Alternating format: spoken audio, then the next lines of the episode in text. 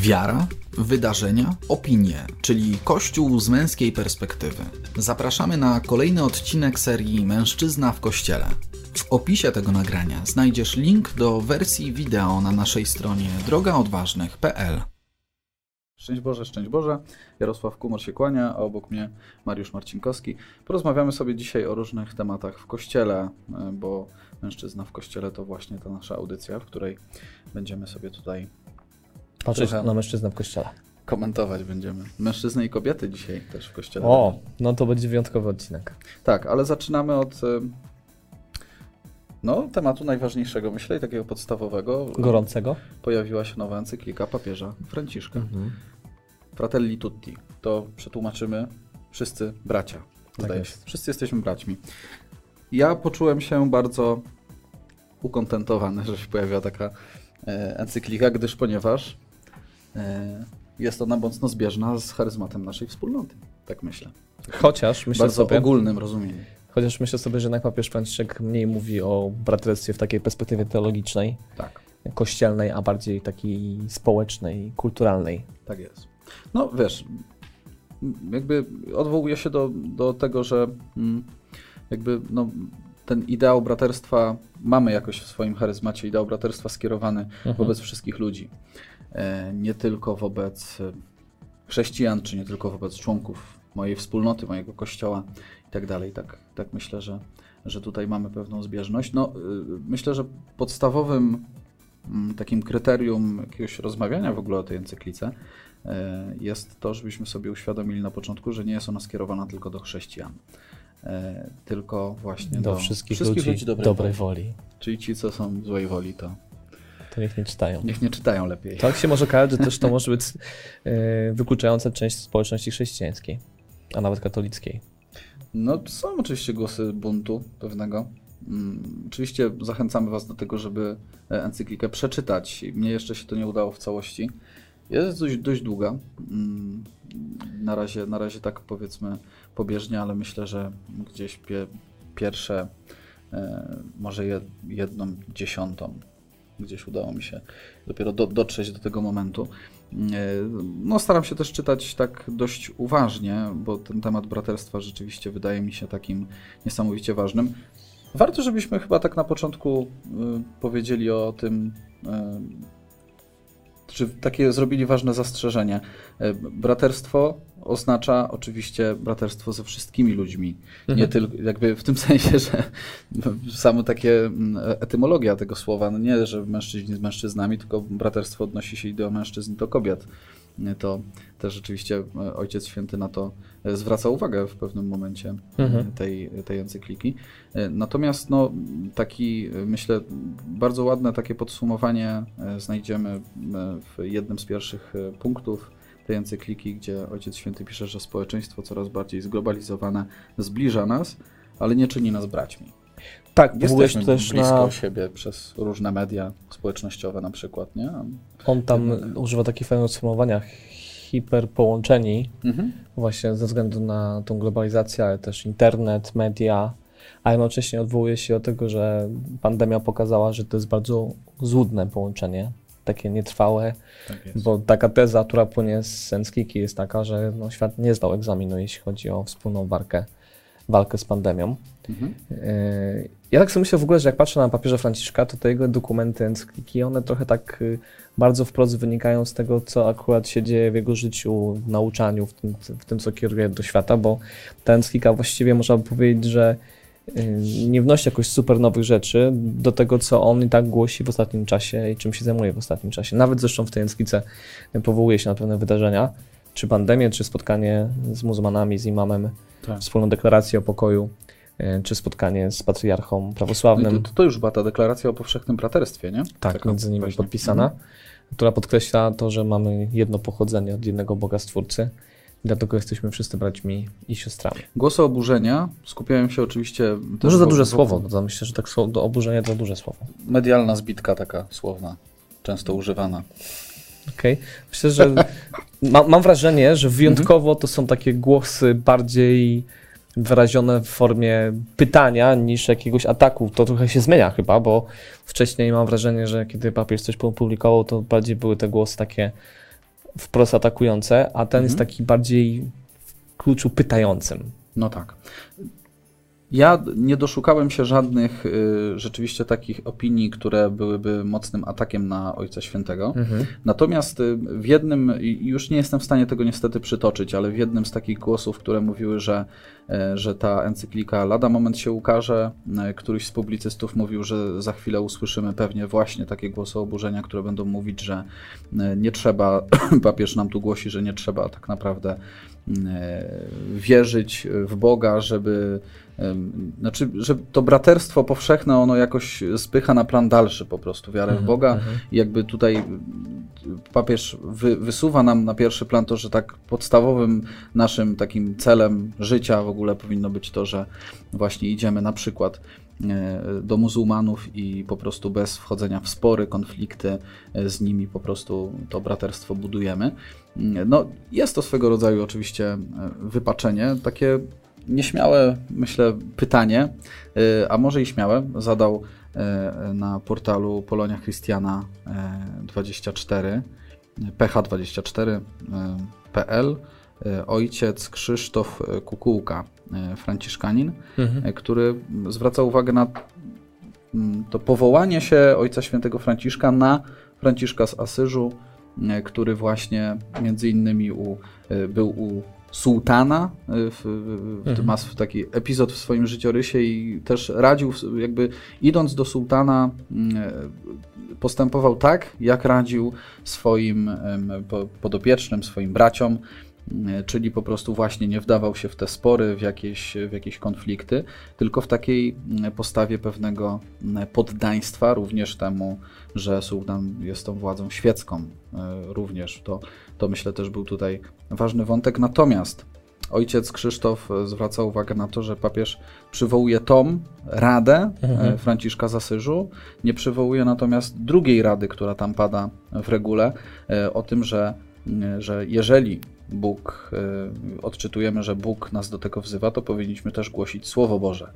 Właśnie przekładając to już na nasze czasy, Słowo Boże, wiem, braciom muzułmanom czy innym, do których, do których, z którymi się jakoś spotykamy w świecie, z którymi mamy właśnie z, budować te relacje braterstwa. No właśnie, powinniśmy im głosić Słowo Boże. Papież o tym nic nie pisze.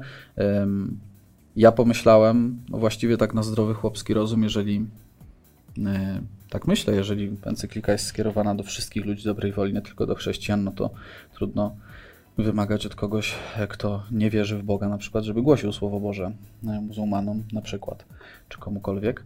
E, Więc, więc to może się nie znam, ale wydaje mi się, że to tak na logikę to, to chyba e, trudno by było tego wymagać. Natomiast no, to też inna rzecz, że chyba to, są, to powinny być dla nas pewne sprawy takie oczywiste. E, Natomiast encyklika traktuje trochę o, o innym temacie. Na pewno myślę, że trudno się doszukiwać złych intencji w tym No tekście, bo tekst też jest poświęcony braterstwu. I tak jak powiedziałeś, jest skierowany do wszystkich ludzi dobrej woli, e, więc też mm, tr- trudno by było bronić tezę, że papież Franciszek mówi, żebyśmy im nie głosili Ewangelii. E, Zresztą samo sugerowanie tego jest bardzo takie, moim zdaniem, nieuczciwe w tym wszystkim. Zwłaszcza, że no, tak naprawdę nie mówi o tym, też nie mówi o wielu innych rzeczach, które mówi Franciszek. Tak można było Tak pójść jest. tym kluczem Mhm. i jeszcze wiele innych rzeczy znaleźć, o których Franciszek powiedział, a papież Franciszek nie powiedział w encyklice. Temat jest, tematem jest spokój braterstwo i myślę, że zaproszenie do takiego dialogu, zresztą on się powołuje na ten pierwszy punkt, e, na tą pierwszą sytuację z Franciszkiem, gdzie tam Franciszek też pisze o tym, że idziemy tam nie tracąc swojej tożsamości. Tam jest to Tak. podkreślone, tak? Czyli to jest, jest jakby podkreślone to, że ja tam jestem chrześcijaninem i idę tam jako chrześcijanin. W związku z tym wiele, więc wiem, co mam robić jako chrześcijanin, ale też mam mieć postawę otwartości wobec drugiego człowieka. Bardziej mi to brzmi trochę w stylu, wiesz, żebyśmy nie patrzyli z góry na ludzi, którzy są innego, innej religii czy innych wyznania, albo traktowali ich od razu jako, nie wiem, pogan, którzy są pozbawieni łaski. Trochę bardziej w tą stronę dla mnie to jest, y, wybrzmiewa, niż w kierunku tego, że mam nie głosić Ewangelii. Bo siłą No, sam, rzeczy, kiedy sam, wchodzimy... Franci- sam Franciszek z Asyżu mówił, że mamy głosić Ewangelię jak trzeba to słowem. Więc generalnie pójście e, z postawą braterstwa do drugiego człowieka, który nie jest chrześcijaninem, nie jest katolikiem, jest gejem, jest e, kimkolwiek innym, e, no wydaje mi się, że to już jest głoszenie Ewangelii, samo to, że przychodzę samo- do niego z otwartością pewną. I ta rozmowa i spotkanie wcale nie jest utratą mojej tożsamości. To też fajnie Mm. właśnie wybrzmiewa w tej historii Franciszka. No, myślę, że warto przeczytać ten dokument, jak sam powiedziałeś, ty go jeszcze nie czytałeś całego, ja też tylko przejrzałem. Mamy taką tendencję dzisiaj w kościele, żeby właśnie złapać nagłówków e, No i tak. już wiedzieć wszystko na temat tego, co, co napisał papież Franciszek. No, myślę, że możemy się spodziewać jeszcze różnych ciekawych nagłówków. Na pewno to, co trzeba Franciszkowi oddać, to to, że dokumenty są łatwe do czytania. Mhm. To nie jest język teologiczny, więc tym bardziej powinniśmy mieć sobie taką otwartość na to, żeby się z tymi dokumentami zapoznawać, bo nie potrzebujemy tutaj nie wiadomo jakiej wiedzy teologicznej czy Mhm. znajomości języka kościelnego, teologicznego, żeby ten tekst zrozumieć. Natomiast pewne e, diagnozy jego a propos sytuacji, kondycji państwa, relacji między nami są bardzo trafione. Zresztą też temat globalizacji porusza, korporacji. E, To są też odpowiedzi na to, co dzisiaj się dzieje w świecie. Potwier- Potwierdzają trochę to, to, co już zdążyliśmy powiedzieć też e, polscy biskupi. E, Może tylko przytoczę. Arcybiskup Stanisław Gondecki, przewodniczący e, Konferencji Episkopatu Polski, mówi: Papież ukazuje w encyklice otwarte braterstwo, które w praktyce przekracza granice geograficzne i granice narodów, religii i wszystkich ras. To braterstwo bez granic, które nie należy tylko do naszego kręgu. Z kolei ksiądz biskup Piotr Jarecki, biskup pomocniczy archidiecezji e, warszawskiej, który zresztą też e, Wydał e, książkę. No wydał znaczy wydał wywiad rzekę, my ostatnio o tym mówiliśmy, ale w tym wywiadzie rzece zresztą, Mhm. nie, nie, w dyskusji na temat tego wywiadu rzeki e, i w ogóle ogólnie o budzeniu proroków w kościele, przyznał się do tego, że e, to, to brzmi tak złowieszczo. Po prostu powiedział, że, że właśnie jak gdyby e, pracuje nad tą encykliką też, w jakiś sposób ją tam też dopracowuje, czy zgłasza jakieś swoje sugestie do niej. Jest widocznie w toku powstawania encyklik takie, takie, ta, ta, taka praktyka, że biskupi e, Wyrażają swoje jakieś tam- swoje mhm. opinie. Widocznie. E, Chyba, więc- że pracował nad tłumaczeniem. a być może, nie wiem. w każdym razie biskup Jarecki nie. Jeśli dobrze rozumiem, to zrozumiałem go, to, to było to swego rodzaju jakieś opiniowanie. E, W każdym razie e, on też mówi o tym, że głównym tematem encykliki jest wymiar makro miłości chrześcijańskiej. Można powiedzieć globalizacja miłości chrześcijańskiej. To jest takie bardzo sugestywne, myślę, określenie, bo też papież dużo mówi o globalizacji, która jednak uprzedmiotawia człowieka bardzo często. Tutaj chodziłoby o globalizację miłości chrześcijańskiej, nie ograniczanie miłości chrześcijańskiej do miłości osoba, osoba z tego samego kręgu. Więc kochamy swoich, a innych niekoniecznie. Ważnym wątkiem w tym wszystkim, i to myślę, że w ogóle mm, tak odnosi się, odnosi się do różnych takich pogłosek na temat tego, że papież tak mocno jakoś może sympatyzuje z różnymi ideo- ideologiami współczesnymi, na czele oczywiście z LGBT. To często jest takie, mm, gdzieś tam krążą różne przypuszczenia, czy różne Mhm. takie nieprawdziwe informacje. Fake newsy. Tak jest, to, to myślę, że ważny wątek, na który Ojciec Święty zwraca uwagę w tych, tych pierwszych, e, zwłaszcza punktach tej encykliki, to nasze, nasza pamięć e, historyczna, Tak. która bardzo mocno wpływa i powinna wpływać na nasze postrzeganie świata e, współcześnie. E, Papież pisze właśnie o takim odcinaniu nas od, tym, od naszych korzeni, od, od pamięci o tym, co było dawniej. Pisze tak: Tak działają ideologie różnych kolorów, które niszczą lub dekonstruują wszystko, co inne, i w ten sposób mogą e, panować bez oporów. Potrzebują do tego ludzi młodych, którzy gardzą historią, odrzucają bogactwo duchowe i ludzkie przekazywane przez pokolenia, którzy pomijają wszystko, co ich poprzedziło. E, No, korzenie sprawiają, że zupełnie inaczej patrzymy na świat. W sensie nie, nie mylimy współczesności z głupotą, tak bym to e, powiedział, bo często możemy łatwo się zapędzić właśnie w to, co współczesne, w to, co e, jakieś nowe e, Mhm. pójście bardzo mocno w e, klimaty, no nie wiem, no na przykładzie samego LGBT w klimaty jakby tolerancji, która staje się nagle najwyższą wartością w ogóle. Nie, nie jakby z pominięciem często miłości, miłości braterstwa wobec chociażby tych, którzy w jakiś sposób mają pewne pytania po prostu do, do samej, nie wiem, ideologii LGBT, czy, czy, czy, czy e, pewnego, m, pewnej racjonalności działań e, po prostu jakichś lobbystów z tych, z tych kręgów i tak dalej. No, temat rzeka generalnie. Natomiast to m, zakorzenienie w e, wartości historii, tego co było dawniej, pewnej tradycji, no myślę, że często takie niedoceniane, a, a bardzo, na bardzo kluczową kwestię Ojciec Święty zwraca tutaj uwagę. Dlatego zachęcamy do zapoznania się z encykliką. Jest ona w języku polskim już dostępna, także można po nią sięgnąć. E, jak papież Franciszek patrzy na współczesny świat, na problemy. To, że podkreśla tą, tą, ten pokój, braterstwo, myślę, że też jest takie znamienne i naprawdę potrzebujemy e, nie tylko w patrzeniu na zewnątrz, ale tak sobie myślę też, że wewnętrznie mamy taki problem też, że gubimy braterstwo, nawet w, we wspólnocie Kościoła. Mhm. Tak e, I, I, już dzisiaj przecież widzimy takie bardzo wyraźne podziały, choćby nawet podziały związane z tematem Komunii Święty na rękę. Niniejszym przechodzimy do, do tego kolejnego tak tematu, jest. ale w międzyczasie też e, Was witamy, bo, bo po, po drodze dołączacie. Jest Dominik, jest Zbyszek, którzy się witają z nami, jest Kasia. E, jest też moja mama, którą serdecznie witam. E, jest Jacek, e, również Szymon prze, przez YouTube'a. Zapraszam Was do tego, żebyście się dzielili też swoimi spostrzeżeniami. Moja mama napisała właśnie, świat się skurczył, ludzie, a ludzie i tak żyją w oddaleniu. Otóż to i, i, i zapraszam Was do tego, żebyście też w komentarzach dawali swoje spostrzeżenia na temat tego, o czym mówimy. A mówić będziemy, no właśnie, o pewnym źródle podziału, tak.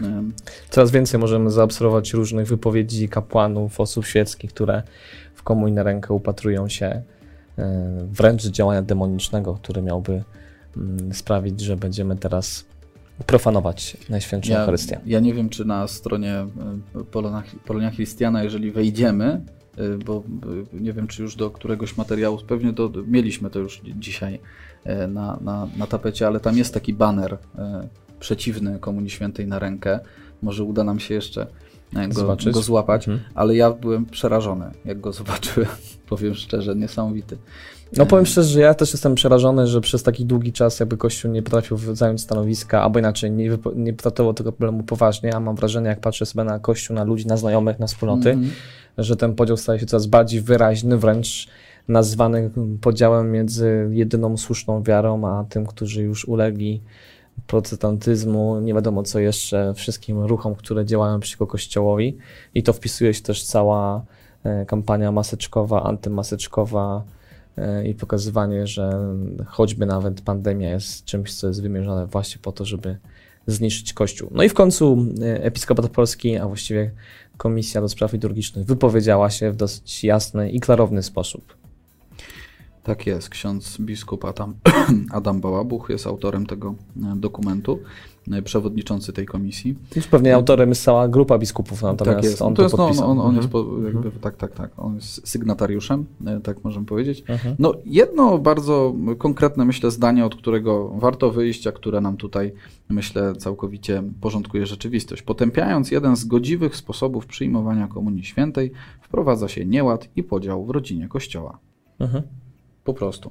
Więc myślę, że bardzo mm, dobre wytłumaczenie też tego mm, takie jasne postawienie sprawy. Jest to jeden z godziwych e, sposobów przyjmowania Komunii Świętej. Tutaj jakby nie ma dyskusji nad tym. Dopóki Stolica Apostolska e, ten rodzaj przyjmowania Komunii Świętej e, akceptuje, dopóty po prostu możemy go, możemy go się tym, tym sposobem posługiwać.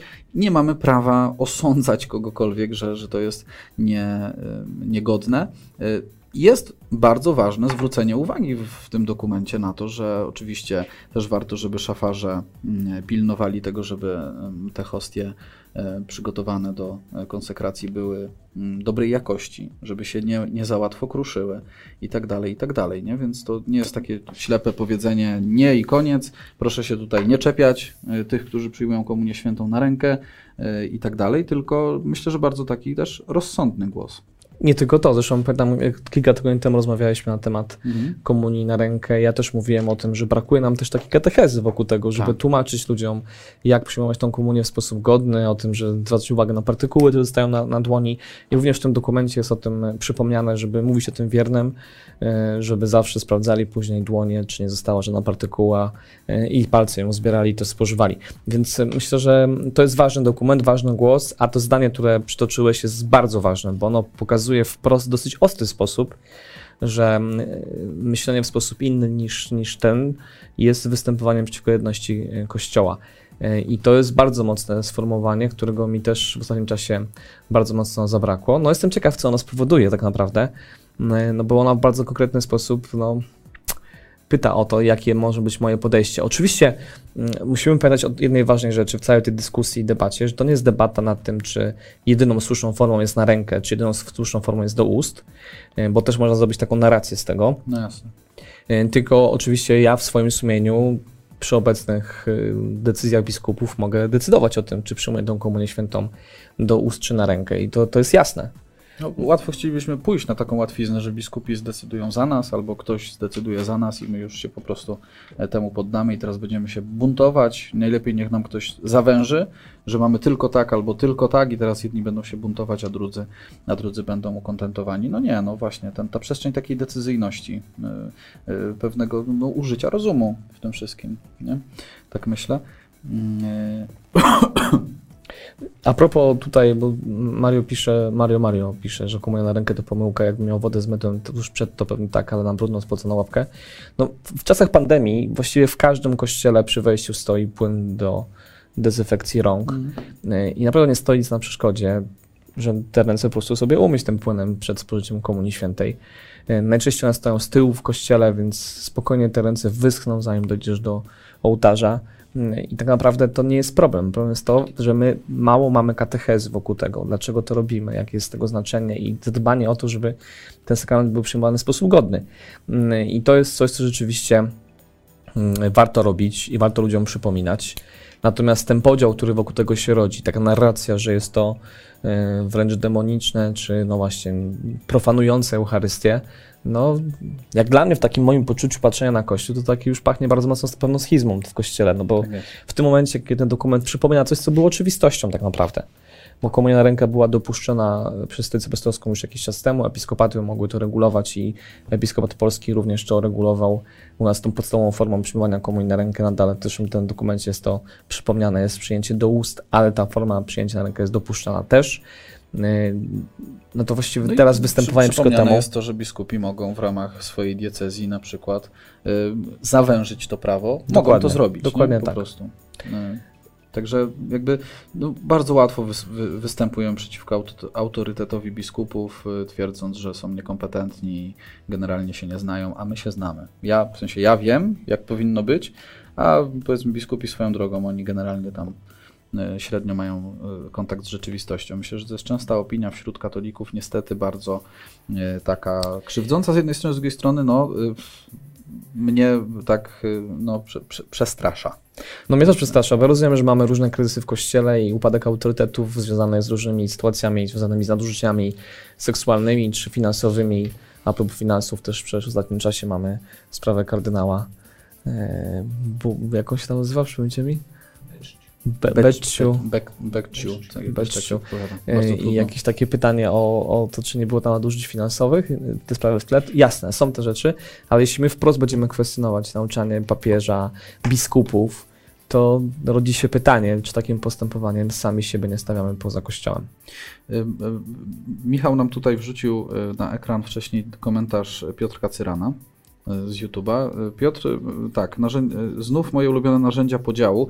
Piotr ostatnio na napisał felieton o innym narzędziu podziału, czyli o mszy trydenckiej. E, mhm. Natomiast tutaj też właśnie wracamy do, do tego. Tak jest, tak. To, to jest takie właśnie kolejne narzędzie podziału. Pałujemy się o sprawy proste i nie bójmy się w oczywisty sposób drugorzędne. Mm, no tak, o tym już mówiliśmy. No, to, przyjmowanie jest... komunii, ja bał się powiedzieć, że jest jakąś sprawą drugorzędną.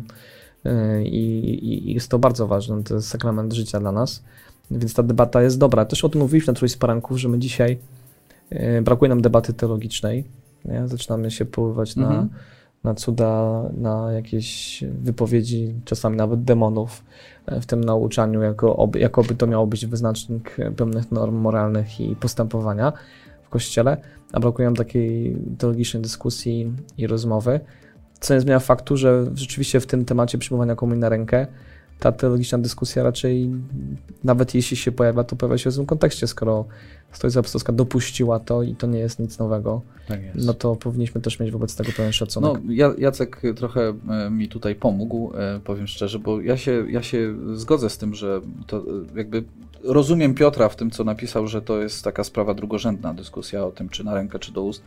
E, W tym sensie drugorzędna, że właśnie to Jacek pisze, że dyskusja powinna się toczyć nie o tym, jak przyjmować, ale czy godnie ją przyjmujemy. I zaczynamy uciekać od sedna. Sedem jest łaska uświęcają- uświęcająca. Także to tak. To tak, tak, tak w ten sposób. Y, Dobrze. To, Piotr zadaje takie tutaj temat- pytanie, wiesz, e, a to jest moje, moje bardzo, takie moje ulubione pytanie. Czy jak Jezus całej chleb, to nic nie pokruszyło. Tak, ja, ja bardzo lubię to pytanie. No, kruszy się nawet, kiedy kapłan dzieli e, hostię. Oczywiście. I wiadomo, że tak jest. No i on ma obowiązek zatroszczyć się, żeby te partykuły zostały zebrane i myślę, że to też trzeba przypominać wiernym, że mają taki no bo obowiązek. Tak siłą, tak y, też znowu na, na chłopski rozum. No oczywiście przecież to, to jest oczywiste. To, co mm, nie wymyka się jakoś naszym zmysłom, zmysłowi naszego wzroku, mamy obowiązek zebrać. Natomiast są takie malutkie partykuły, które się wymykają naszemu wzrokowi. No, no nic z tym nie zrobimy. Jesteśmy ograniczeni jako ludzie. Y, To Mikołaj Kapusta też swego czasu przypominał w jednym z filmów, czy mówił o tym, że naprawdę podczas przyjmowania też Komunii Świętej do ust maluteńkie drobinki też spadają to, to tego nie unikniemy. W sensie to, to nie da się tak zrobić, że po prostu cała hostia y, jest, cały ten chleb jest po prostu y, integralną całością i nie, nic tam się nie, nie oddzieli. Ale rzeczywiście przypominanie o łasce uświęcającej, o tym, żeby korzystać z sakramentu pokuty i pojednania, co jest większym problemem na Zachodzie niż samo przyjmowanie komunii na rękę, bo tam mamy problem przede wszystkim taki, że ludzie nie korzystają z sakramentu pokuty i pojednania, a idą do komunii świętej. Tak, pamiętam w Stanach Zjednoczonych. y, To, Stany, to Włochy też na- 10, na dużą 10 skalę. lat temu, kiedy, kiedy byłem. Zresztą moja mama pewnie też to potwierdzi swoją drogą. Ale tak, tak, to często, często gdzieś, zwłaszcza w, nie, nie tyle w kościele, y, gdzie w polskiej parafii, tylko w parafii amerykańskiej, kiedy, kiedy byliśmy, no rzeczywiście byliśmy zdziwieni, bo, bo to jakby mieliśmy przykłady ludzi, y, których znamy i którzy wiemy, że na przykład żyją y, w taki sposób, że no, nie powinni pójść do komunii. Nie? I to jakby to jest taka pewna moda. Jesteśmy na mszy, to idziemy. To nie ma jakby tutaj y, żadnych przeciwwskazań tutaj. No w Polsce na Tak szczęście ludzie tej mody chyba jeszcze nie ma na taką skalę, więc to jest coś pozytywnego i wokół tego powinniśmy rzeczywiście się skupiać przy Komunii Świętej, Mhm. bo podnosząc też jakby ważność tego, że jestem gotowy przyjmować komunię, to też jednocześnie budzę w ludziach wrażliwość na to, jak tą komunię przyjmuję. Myślę, że to jest bardzo logiczne, bo jeśli mam świadomość obecności Boga, jeśli staram się dbać o życie stanie łaski uświęcającej, to samoistnie budzi się we mnie szacunek Tak E. I jakby postawa tego, że staję przed Bogiem, który chce się ze mną spotkać bardzo blisko. Idźmy na tym dalej. Ważny temat, warto sobie sięgnąć do tego listu, do tego oświadczenia właściwie. Komisji liturgicznej nie jest długa, ale tak bardzo treściwa, jak na listy z episkopatu, to naprawdę No, godne bo to to taki uwagi. komunikat, no to komunikat. Ale taki wiesz, taki Ja bardzo ostatnio- konkretny. Ja ostatnio słuchałem listu, y, teraz w- tę te, w te niedzielę mm, mógł być czytany, tak? W Był czytany, tak. Był czytany, podejrzewam, że nie we wszystkich parafiach, bo to tak chyba z listami Mhm. jest, że nie, nie mają księża obowiązku, choć korzystają skrzętnie, nie, niektórzy rzeczywiście bardzo tak, no po prostu z tego korzystają. Y, No to tak, to li, list, z listami bywa różnie. Mhm. To fakt. Wtedy żona mnie musiała trącać. Takie życie. Po prostu one wymagają więc, większego, większego skupienia i uwagi, żeby się wgryźć Tak w treść, więc to też dobrze. Tak, i kubka kawy przed mszą. A nie na mszy. Nie, na mszy. Ostatnio któryś ze znanych mówił o tym, że kawę można pić przed mszą. O. Ja już nie pamiętam. W tym sensie postu eucharystycznego. Tak, Tak, tak, że kawa jest potrzebna. tak jest. No nic, słuchajcie, to przejdźmy sobie do Bardzo do mi to tematu- pasuje, bo ja No ja wiem, ja też. No. Ja, Kocham kawę. Ja, ja też. Temat kolejny, on mi się tak łączy. Zresztą w okolicy tematu braterstwa y, to tak, encyklika siłą rzeczy, komunia na rękę, myślę, że też, bo to jakby też burzy często braterstwo, to już typowo w kościele. Natomiast tutaj w ogóle mamy taki temat trochę ciekawostkowy, ale po prostu nie mogliśmy go sobie odmówić. Czyli wywiad y, y, na onet.pl Piotra Ibrahima Kalwasa z Katarzyną Tubylewicz, kulturoznawczynią, y, pisarką, mieszkającą. mieszkającą właśnie w Szwecji. I to jest wywiad na temat Kościoła Szwecji. Y, Kościoła, który też na swój sposób głosi braterstwo powszechne, Powiedziałbym braterstwo, ale tutaj... obrazku. Tu, y, słowo Chociaż tam nie ma, patrz, tam nie ma żadnego faceta, zobacz. No właśnie, słowo, braterstwo, słowo braterstwo by się pewnie tutaj kościołowi Szwecji nie spodobało. sios, siostrzeństwo trzeba powiedzieć? Siostrzeństwo, nie wiem, może Kasia nam tutaj pomoże. Kasia prowadzi projekt dla kobiet, ma dużo do czynienia z kobietami. Może siostr, nie wiem, czy takie, taki termin w ogóle funkcjonuje. No nic, w każdym razie ciekawe, czy ktoś zarzuci papierowi Franciszkowi, że używa takiego języka antygenderowego. No, myślę, Mówi że o pojawi się, nie wiem, czy tak będzie to jest takie głośny, czy to będzie jakiś taki Że głośny przykład ja nie głos, czuję się bratem, prawda? poja- Pojawi się na pewno. No właśnie. To... Margot się nie czuje bratem, na pewno. A jednak wraca ciągle do nas jak bumerang ta postać. No ta postać się kojarzy z tym tematem zresztą.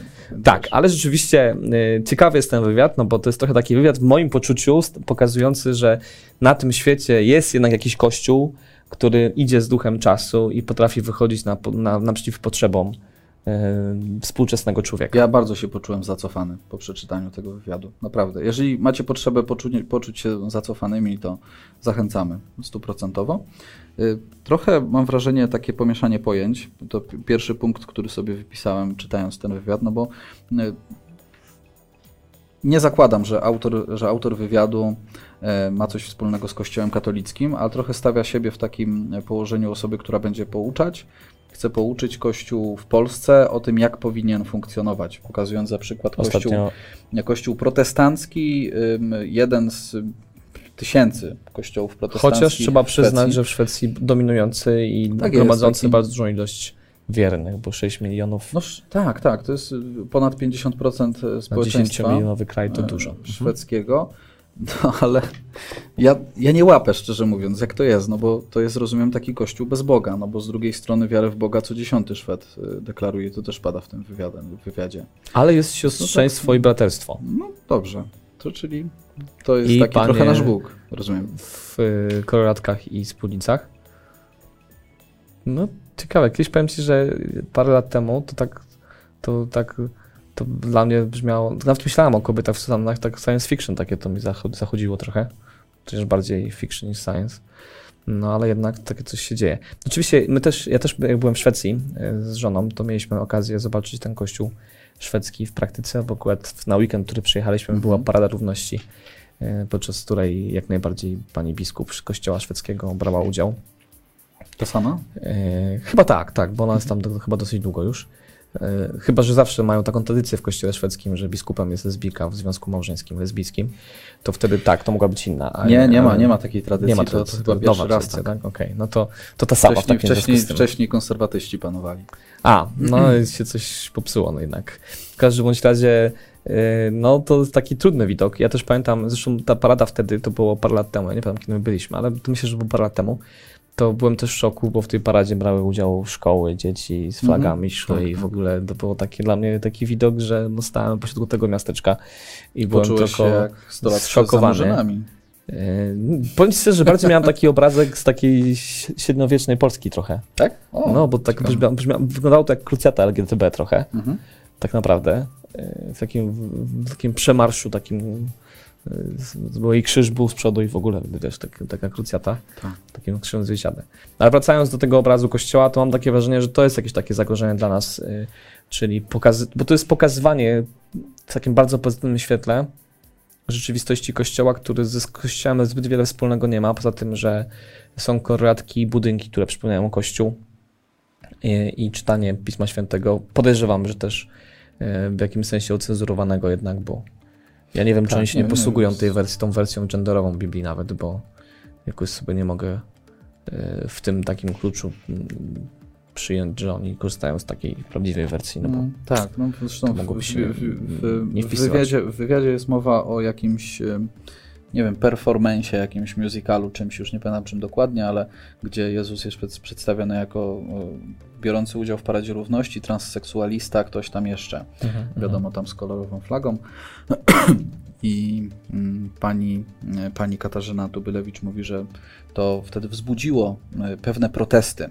Pewne takie mało, e, mało Mhm. jakby mało mm, słyszalne protesty się pojawiły, natomiast już y, przy kolejnych takich akcjach już generalnie była cisza. Więc to, to jest też pytanie rzeczywiście, w jaki sposób to, to Pismo Święte jest tam e, czytane, w jaki sposób jest ta Ewangelia interpretowana, no ale generalnie to wiemy w jaki sposób, po prostu idąc duchem czasu. Więc generalnie nie ma czegoś takiego jak stałość Biblii, która, która po prostu została spisana i, i, po prostu, nie wiem, nawet jest brany pod uwagę jakiś kontekst, to o czym mówimy, kulturowy, historyczny. Znowu, odcięcie od pewnych korzeni, to o czym już zdążyliśmy powiedzieć. Tylko właśnie, nie, bierzemy te słowa i je interpretujemy po swojemu, tak jak chcemy i tak jak tam pasuje. No to nie jest chyba taki sposób odpowiedni. Znaczy, no wiesz, dla nas jest nieodpowiedni, dla nich odpowiedni. To też pytanie, w jaki sposób można by było ukazać komuś, kto na swoją modłę interpretuje Pismo Święte, że tego tak naprawdę robić nie powinien. No bo właściwie no. dlaczego? Ja to... jestem w kościele protestanckim, kościele Szwecji. To to mogę. Jak patrzę sobie na ten kościół, to mam takie wrażenie, że to jest taki trochę produkt y, wojującego feminizmu, bo jednak większość pastorek tego kościoła to są kobiety, tak czytamy. Więc jakoś tak wydaje mi się, że jest taka, taka parydygmat tego, że jednak to y, tak jak w kościele katolickim są mężczyźni kapłanami, tam no tak, powinny tak, być tak. kobiety kapłanami, żeby to jakoś tak podkreślić. No zresztą to, to jest też takie bardzo mocno też podkreślone, że tak naprawdę to kobiety bardziej się nadają na duchownych, bo mhm. mają więcej empatii, więcej zrozumienia, więcej takiego, takiej miłości do ludzi i tak dalej, nie? W taki sposób naturalny. To jest też tak przedstawione, y, no tak mieni się jako racjonalne, no wiesz, no, kobieta bardziej ma w sobie więcej takiej miłości, takiego, takiej bliskości, ciepła i tak dalej, nie? No nie wchodźmy w ten temat, co mają więcej kobiety, albo co mają więcej mężczyźni, bo myślę, że się zakupiemy. Mm, co nie zmienia faktu, że no taki obrazek, no to trudny trochę. Mm, ja też pamiętam, jak byłem w Szwecji, że generalnie ich spojrzenie na świat jest takie bardzo no, ciekawe. Pamiętam, byliśmy w polskiej parafii hmm? i abstrahując od tego, że parafianki raczej były za aborcją um, i to był ta, ta, ten klucz parafianek zaangażowanych w życie Kościoła, mhm. to w ogóle w ich poczuciu w Kościele, w, w Polsce kobiety są prześladowane generalnie jest tak kluczowo prześladowane. Nie na zasadzie, wiesz, takich tam nierówności w prawach, ale no po prostu są prześladowane i to, co się wyprawia z kobietami w Polsce, to skandal. Więc też wiadomo, że tutaj wpływ mediów, wszystkiego ma znaczenie, ale my często tak patrzymy na naszych braci, idąc dzisiaj w klucze encykliki papieża Franciszka ze wschodu, jako tych, którzy mhm. żyją w jakimś wirtualnej rzeczywistości kreowanym przez mm, państwo i media. Mhm. A myślę, że w Europie takiej wykreowanej rzeczywistości mamy całą masę. Tak jest. Myślę, że zdecydowanie nawet, e, nawet więcej. No. Ważne stwierdzenie, które, które mm, do którego warto się też odnieść, które też y, jakoś mnie uderzyło. Y, o tej równej, równa wartość, y, równa wartość jakby wszystkich ludzi. W sensie my nie, nie kategoryzujemy, Kościół Szwecji nie kategoryzuje, czy są lepsi, czy są gorsi. Swoją drogą nie wiem, jak by się odnosił do, do swoich takich prze, przeciwników, czy kogoś, kto by wskazywał racjonalnie jakieś, jakieś błędy. E, no, trudno powiedzieć, bo częstą domeną jednak tego typu instytucji jest to, że, że bardzo ostro atakują przeciwników. Ale tego nie wiem, to też nie pada chyba w tym, w tym wywiadzie, nie, nie doczytałem się. Jest duży nacisk oczywiście na tą równość, na otwartość i tolerancję. No myślę, że warto też tak przypomnieć, bo to, to są takie hasła trochę mogące być tak interpretowane w duchu y, encykliki papieża Franciszka, że to w zasadzie jest mowa o tym samym. Nie? Natomiast y, ważne myślę jest to, żebyśmy też pamiętali, że ta równość i to, że rzeczywiście wszyscy jesteśmy y, bożymi stworzeniami i przez to też to jest ten fundament naszego braterstwa, to nie oznacza, że możemy zmieniać naturalny porządek świata. Czyli konkludując, nawet w nawiązaniu do papieża Franciszka, otwartość, tolerancja i wolność w naszym wypadku nie może oznaczać utaty tożsamości, co absolutnie nie wydarzyło się w kościele szwedzkim, nawet protestanckim, bo też pamiętajmy, że kościoły protestanckie myślę, że jeszcze bardziej doświadczają dzisiaj podziałów. Zresztą nie pytam, w którym kościele chcę teraz nikogo wprowadzić w błąd, ale wiem, że w Stanach jest taka e, teraz taki problem chyba w kościele ewangelickim, że Mm, ten kościół będzie się dzielił na dwa kościoły. Mhm. Na tych, którzy będą akceptować związki homoseksualne i tych, którzy nie będą akceptować, w sensie oni przeżywają w swoim kościele, który jest powiedzmy, że w miarę spójny, wewnętrzny podział, który w taki kulturalny sposób można było po prostu nazwać schizmą, która się dzieje wewnątrz nich. Bo ten kościół ma być zupełnie rozdzielony na dwie niezależne, dwa niezależne kościoły i tych kościołów protestanckich za taką wolnością, tolerancją jest dużo, ale też tych takich, które bronią tego, co jest w Ewangelii, mm, też jest dużo, nie możemy o tym zapominać. Tak jest. Mamy temat ostatni, y, taki zapowiadający. Ja myślę, że może następnym razem trochę więcej porozmawiamy o Karlo Akutisie, nowym błogosławionym Kościoła katolickiego, który będzie właśnie beatu jeszcze nie błogosławionym, Influencer. ale który będzie, będzie y, teraz 10 października w sobotę odbędzie się beatyfikacja. Y, Zresztą w Asyżu, tak? Tak, w Asyżu. Tak, w Asyżu. Asyż dzisiaj nam się przewija. No Ciągle Franciszek. Franciszek, tak jest. No tak, influencer Boga, prawdopodobnie patron informatyków, czy generalnie patron internetu. Y, Pierwszy chyba mm, beatyfikowany pasjonat y, informatyki i komputerów. Takie mam wrażenie. Mhm. Ciekawa postać bardzo. Może trochę taki cichy patron będzie, wiesz, naszych działań, no bo my tego w internecie sporo y, działamy. Ja myślę, że Maksymilian też by działał w internecie. No pewnie Gdyby tak, ja nie, ja nie neguję to myślę, że on Maksymiliana, tutaj nie, by szedł ostro na internet. Tak jest. Tak jest. W każdym razie mamy pierwszego takiego e, współczesnego, em, e, powiedzmy, świętego, który, który dosłownie rzeczywiście tak działa. On tworzył strony internetowe wokół cudów eucharystycznych. To, to jest taka bardzo znana jego praktyka, działalność. E, No, myślę, że ten kolejny odcinek możemy już zapowiedzieć, że trochę bardziej pochylimy się nad, nad tą postacią, czy przy- przypatrzymy się nowemu błogosławionemu. E, Także e, no myślę, że dobrze. Dobrze, taki na, nastoletni, trochę, trochę pewnie też jak, będzie stawiany jako wzór w ogóle dla młodych ludzi, a zmarł zupełnie niedawno w 2006 roku. Więc e, Jak budować nie- stronę według świętego. tak jest. Przepis świętego na stronę internetową. Zobaczymy, co to wyniknie po tym, jak jakby zrobi się też głośniej o tej postaci, bo myślę, że sama beatyfikacja też pozwoli, żeby, żeby głośniej się zrobiło. No, fajnie, fajnie. Młody człowiek. Wzór dla innych. Wrócimy do tematu. Tak jest. Piotr, tak podsumowująco, jeszcze wracając do Szwecji, może w Szwecji brakuje zaangażowanych mężczyzn, widzisz, byłeś, e, byliście tylko na chwilę. Ja myślę, że niedługo ten problem tam się skończy, bo społeczność muzułmańska rośnie w siłę, więc zaangażowanych mężczyzn będzie być coraz więcej. Także myślę, że też pomoże Kościołowi Szwecji trochę spojrzeć na problem inaczej. Ale to może być bolesne doświadczenie. Ale no, tak daleko bym nie chciał pójść w tezie, szczególnie w kontekście dzisiejszej encykliki, którą omawialiśmy. Widzimy się za tydzień. Tak jest. Wiele tematów nie poruszyliśmy, bo ten tydzień był obfity w różne tematy. Tak, jak wchodził Mariusz tutaj do studia, to wymieniał kolejne, jeszcze kolejne, ale tutaj ocenzurowaliśmy go. No właśnie. Ale na pewno do nich jeszcze wrócimy. Mm, Bardzo dziękuję Wam za dzisiejszą obecność. Patrz, 11.00 jak równo. Pięknie. Czyli jakieś 45 minut pewnie Tak na zegarze jest. nam wybija. Błogosławionego dnia i zapraszamy za tydzień na kolejne spotkanie mężczyzna w kościele. Z Bogiem. Z Bogiem. Słuchałeś odcinka serii Mężczyzna w Kościele. Jeśli chcesz nas poznać bliżej, zapraszamy na drogaodważnych.pl.